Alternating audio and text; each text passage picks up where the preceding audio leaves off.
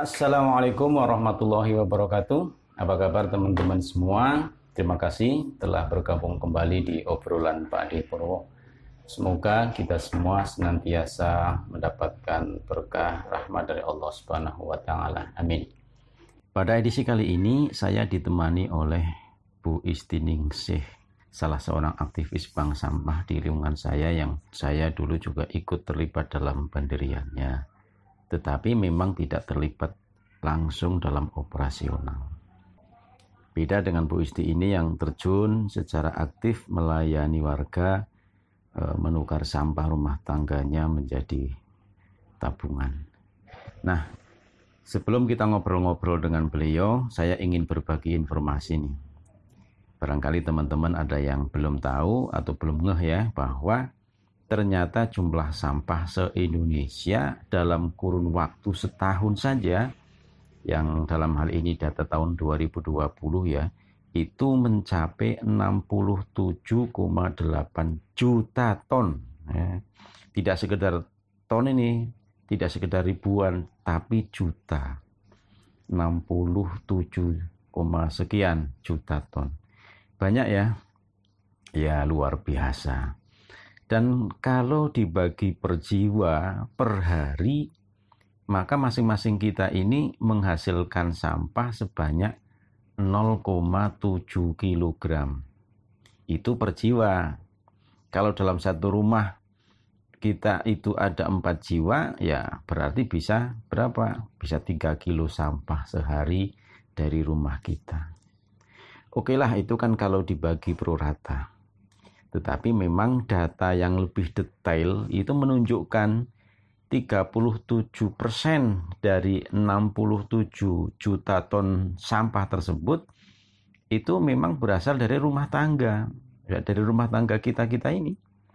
Sementara 16,5 persennya itu berasal dari apa namanya pasar tradisional dan yang lain-lainnya ya berarti dari sumber apa dari sumber lain. Jadi pada intinya sampah itu banyak dan perlu diperjelas nih tentang siapa yang harus bertanggung jawab. Tentu saya tidak bermaksud untuk melempar tanggung jawab ya atau sebaliknya sok-sokan mau ambil tanggung jawab.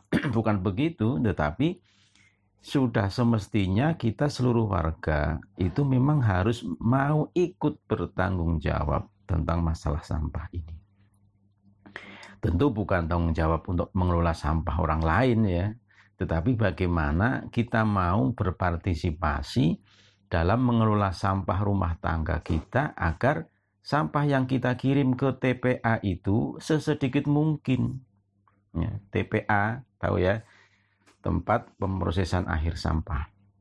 Ya, itu bagaimana sampah yang kita kirim ke sana itu semakin sedikit atau sampah yang kita hasilkan dari rumah tangga kita itu tidak ikut menyumbang bagi kerusakan lingkungan. Nah, menurut saya itu sih minimal ya, eh, minimal tanggung jawab kita sebagai warga. Syukur kalau kita bisa melakukan yang lebih banyak daripada itu. Nah, lantas pertanyaannya bagaimana dengan pemerintah?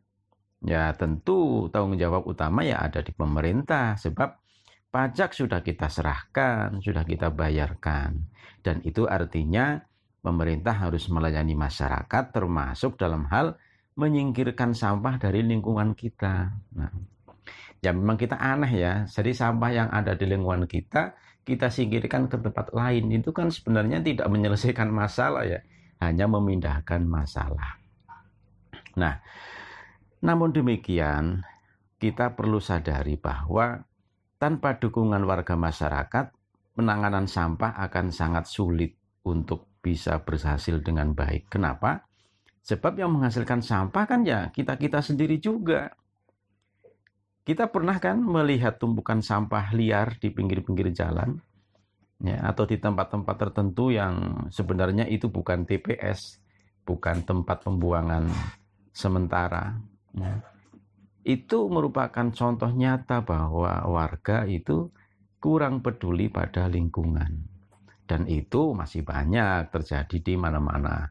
Ya, mungkin yang kasus lebih banyak di daerah perkotaan lah ya. Nah, oleh karena itu teman-teman sekalian, ide tentang bank sampah yang ide itu berasal dari masyarakat itu pada akhirnya telah diakui efektivitasnya dan bahkan dipakai oleh pemerintah sebagai salah satu program dalam mengelola sampah yang di dalam pengelolaan sampah tersebut melibatkan peran serta masyarakat. Sebagaimana diketahui bahwa di antara kegiatan bank sampah itu adalah mengedukasi warga untuk mengelola sendiri sampah rumah tangganya dan aktivitas lain ya melayani warga menukarkan sampah dari rumahnya yang masih bernilai ekonomis menjadi tabungan uang. Kalau biasanya eh, memandang remeh sampah yang ada di rumah itu kan karena sedikit atau karena sekali dua kali. Tapi kalau udah berkali-kali eh, terkumpul dalam bentuk uang, akhirnya besar ya, tentu itu akan bernilai. Nah, sampah yang terkumpul dari warga tersebut itu oleh bank sampah kemudian dijual ke pengepul nah, ke lapak-lapak eh, sampah dengan sedikit selisih harga untuk membiayai operasional bank sampah. Nah, untuk mengetahui lebih banyak tentang bagaimana pengalaman dalam mengelola bank sampah, mari kita tanya langsung saja ke Bu Isti. Baik, teman-teman sekalian, mari kita sapa langsung saja. Assalamualaikum Bu Isti. Waalaikumsalam warahmatullahi wabarakatuh. Gimana kabarnya? Baik-baik saja? Alhamdulillah baik, sehat. Uh, gini Bu, kami tahu ya bahwa Ibu ini kan aktif di bank sampah. Kalau nggak salah sudah kurang lebih tiga setengah tahun ya. Iya berdiri bank sampah kami berdiri tahun 2018 dan sampai saat ini masih tetap eksis melayani nasabah sebanyak 270-an orang yang membawa sampahnya dan memilah sampahnya dari rumah tangga masing-masing ke bank sampah untuk merubah sampahnya menjadi tabungan di bank sampah. Apa nih kira-kira yang yang menjadi motivasi terbesarnya sehingga masih tetap bersemangat untuk aktif di bank sampah?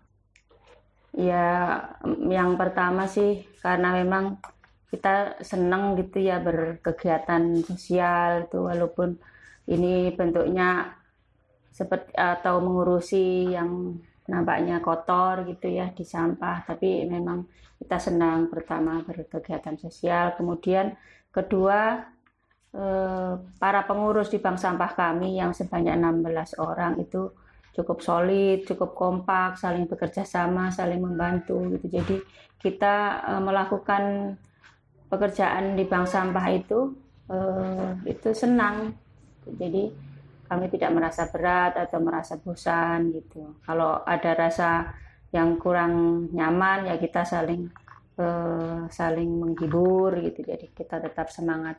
Kemudian juga kami juga senang gitu me membantu masyarakat dalam mengelola lingkungan, khususnya lingkungan uh, khususnya sampah di rumah tangga masing-masing, uh, yang kemudian bisa me mendatangkan manfaat buat mereka. Barang yang dianggap tidak berguna, dianggap uh, harus dibuang dari rumah tangganya, tapi ternyata masih bisa bermanfaat dan mendatangkan tabungan di bank sampah. Biasanya itu kalau di bank sampah kami, nasabah itu bisa mengambil tabungannya setelah dua bulan e, menimbang atau setelah mungkin tiga empat kali menimbang ya itu bisa diambil uangnya dan kebanyakan atau sering kali mereka itu mengambil pada saat anak e, apa musim masuk sekolah atau e, saat lebaran gitu ya terus kalau nggak salah nih bank sampah itu memiliki satu prinsip ada namanya 3R. Reuse, reduce, dan recycle. E, barangkali bisa di, dijelaskan Bu Isti tentang prinsip 3R ini sehingga bisa disebut bahwa bank sampah ini memang memiliki kontribusi kontribusi di dalam mengurangi sampah rumah tangga. Ya. dalam persampahan, dalam pengelolaan sampah memang kita mengenal tiga istilah itu yaitu reuse atau memakai ulang lagi eh, barang-barang yang sudah kita pakai di rumah tangga dan tidak langsung membuatnya membuangnya ke tempat sampah. Kemudian eh, reduce itu mengurangi seminimal mungkin kita memakai barang-barang yang eh, sekali pakai atau menyampah gitu ya. Jadi kalau misalnya tas itu bisa kita pakai atau tas belanja bisa kita pakai berulang kali, maka jangan sampai kita pakai sekali atau dua kali terus langsung dibuang. Begitu juga barang-barang lain. E, kemudian e, recycle itu yaitu mendaur ulang sampah. Di bank sampah kami sudah melakukan beberapa kegiatan untuk recycle sampah tersebut misalnya kita membuat kerajinan dari sampah plastik misalnya dari botol plastik dari gelas-gelas plastik itu kita buat kerajinan berupa uh, apa itu hiasan bunga dan sebagainya uh, dari pengalaman selama ini per penimbangan atau kalau dibuat per bulan itu berapa kintal atau berapa ton untuk di bank sampah yang Bu Isti ada dalamnya. Oh iya Pak Pur.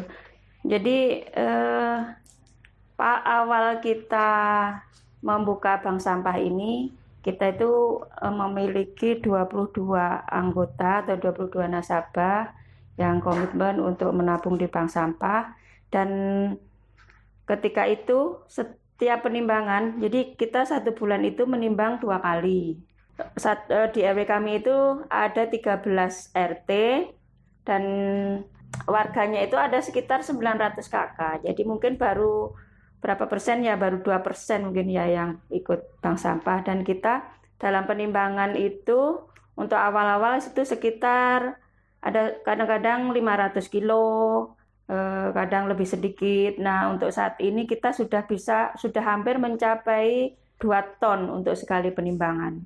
Sekali itu selama sekali penimbangan 2 ton dengan jumlah nasabah dengan jumlah nasabah nasabah kita sebenarnya ada sekitar untuk saat ini itu sekitar 260 tapi setiap penimbangan itu ada mungkin sekitar 100 kadang 150 orang gitu nah, yang nimbang dibagi berapa tempat penimbangan dibagi dalam lima pos penimbangan ya. itu ya itu tadi sekitar dalam dua minggu waktu dua minggu itu dua uh, ton. Itu sekitar dua ton. Berarti Jadi, kalau sebulan dua kali penimbangan, berarti bisa mencapai ya, ton kurang ya. lebih hampir antara 3 sampai 4 ton. Itu teman-teman sekalian ya. Itu dari satu RW ya. Kalau satu RW itu bisa men, me, apa namanya itu mengelola sampah 4 ton ya. Kalau umpamanya di Indonesia ini ada eh, berapa ya banyak ya. E, desa saja ada sekitar 83.000 desa. Itu kalau nggak salah pemerintah mentargetkan di setiap desa harus ada bank sampah ya. Yeah. Itu. Walaupun kalau menurut kami sebenarnya bank sampah itu idealnya e, di tingkat RW. Karena kalau di tingkat RT terlalu sedikit, kalau tingkat desa terlalu terlalu besar kalau sifatnya unit ya terlalu kalau, luas uh, terlalu luas tapi kalau desa mungkin nanti sifatnya ya dia hanya sekedar apa ya mengkoordinir aja kalau permasalahan terkait dengan apa namanya e, nasabah seperti apa sejauh ini? Oh iya. Ya kadang-kadang memang ada kendalanya juga ya. Kita bekerja di bank sampah ini nggak mulus-mulus juga gitu. Kadang-kadang ada beberapa pihak yang belum memahami sistem kerja kita dan juga memahami tujuan kita. Kadang-kadang kita eh, dianggap um, bisa mengurangi atau menghambat para pemulung itu dalam mereka mengais rezekinya gitu. Padahal kita bis, uh, tidak seperti itu ya. Artinya walaupun ada bank sampah, para pemulung itu juga tetap saja bisa mereka bisa eh, mendapatkan rezeki dari sampah-sampah yang ada karena kan tidak semua tidak 100% warga itu ikut bank sampah gitu. Jadi masih ada orang-orang juga yang eh, memberikan sampahnya kadang langsung ke pemulung atau pemulung juga masih bisa mendapatkan sumber rezekinya dari mengambil sampah yang lain gitu. Dan ini juga kita sih pengennya juga tidak hanya sampah non organik saja ya yang bisa eh, masuk ke bank sampah itu atau pengelolaan atau mungkin kita sifatnya mungkin hanya membantu gitu. Itu adalah dalam hal pengelolaan sampah organik gitu ya atau sampah basah dari dapur ibu-ibu rumah tangga itu eh, sebisa mungkin juga itu bisa dimanfaatkan. Misalnya untuk eh, ternak magot atau pupuk tanaman gitu ya. Itu kita juga berusaha itu di bank sampah itu mengelola itu gitu. Namun demikian memang tidak eh, tidak mudah dan kita sudah memulai dengan mengadakan beberapa kali pelatihan namun belum berjalan dengan baik tapi semoga ke depannya kita harap ini akan terrealisasi dengan baik. Kita bisa e, mengelola sampah-sampah organik dari rumah tangga, kemudian menjadikan e, hal yang atau menjadikan produk yang e, lebih bermanfaat. Ya, ketika kita bicara bank sampah itu ya memang kita sama dengan bicara tentang bagaimana kita bisa ikut peduli terhadap sampah yang kita hasilkan dari rumah tangga kita. Makanya penggagas bank sampah itu sendiri ya, itu kan memang ada dua kegiatan pokok sebenarnya, yaitu sampah non organik dan sampah organik.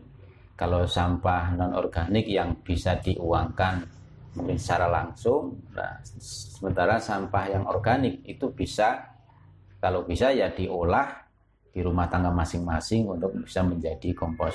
Dan bisa kita bayangkan teman-teman sekalian kalau uh, oke lah tidak semua warga ya sebagian besar warga itu mau memilah sampah rumah tangganya sehingga semakin sedikit sampah yang menjadi residu ya karena yang organik itu uh, bisa di diolah menjadi kompos, sementara yang non organik itu bisa dilempar ke eh, bank sampah, maka tentu itu akan secara signifikan mengurangi tumpukan sampah.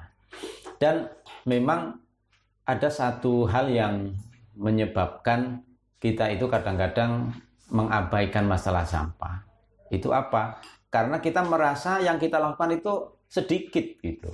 Yang kita lakukan itu kecil. Ya, ketika kita ngeliat ada sampah botol plastik di jalan, satu dua ngelitak, terus kita tidak peduli, itu seolah-olah kita tidak merasa bersalah, karena toh cuma satu atau dua. Tapi coba kalau kita bayangkan bahwa di tempat lain juga ada seseorang yang berhadapan dengan dua tiga botol sampah uh, botol air mineral namanya di depannya dan itu tidak kita ambil atau tidak kita kita singkirkan maka hal itu kita sama juga dengan ikut memberikan andil terhadap kerusakan lingkungan yang pada ujungnya kerusakan atau kerugian bagi kita semua. E, jadi seperti itu teman-teman sekalian ya mungkin yang terakhir nih kita ingin tahu Eh, apa nih pesan-pesan dari Bu Isti ya terkait dengan apa pengelolaan sampah atau terkait juga dengan kegiatan bank sampah agar bisa bertahan dan terus uh, melaksanakan kegiatannya. Ya Pak Pur, terima kasih. Untuk pesan-pesan ini mungkin bisa kita sampaikan terutama kepada teman-teman sesama ibu rumah tangga ya. Uh, cobalah kita sekarang mengubah mindset kita. Artinya membuang membuang sampah. Selama ini kita begitu mudahnya membuang sampah kita ganti. Artinya ubahlah sampah dari rumah tangga kita menjadi rupiah di tabungan kita. Kemudian untuk oh, para pengurus bank sampah. Dengan kita itu membantu atau bekerja di bank sampah itu sudah seperti kita itu menjalankan salah satu kebersihan itu sebagian dari iman. Kita juga bisa membantu mungkin tidak bisa membantu uang secara langsung gitu, tapi kita memberikan jalan lain untuk ibu rumah tangga itu bisa mendapatkan tambahan dan juga membersihkan lingkungannya.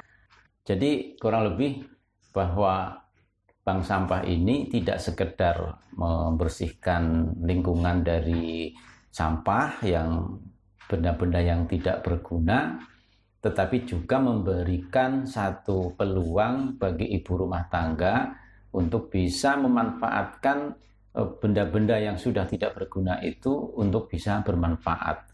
Rumah kita menjadi rapi, menjadi bersih gitu ya. Dan uh, nilai manfaat juga akan bisa kita dapatkan. Baik teman-teman semuanya, kita cukupkan obrolan kita pada edisi kali ini. Kita sudah belajar tentang bagaimana kita sebagai masyarakat ikut bergerak membantu lingkungan, membantu pemerintah ya dalam pengelolaan sampah sehingga semakin sedikit sampah yang diangkut, maka itu menjadi satu prestasi bagi kita semua sehingga dampak yang mengikuti dari sampah itu juga semakin sedikit.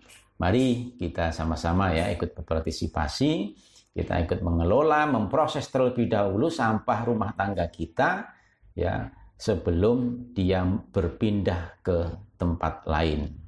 Semoga apa yang kita laksanakan, apa yang kita kontribusikan itu dinilai sebagai satu kebaikan di sisi Allah Subhanahu wa taala. Akhirul kalam, sampai ketemu di edisi obrolan pada Purwo selanjutnya. Assalamualaikum warahmatullahi wabarakatuh.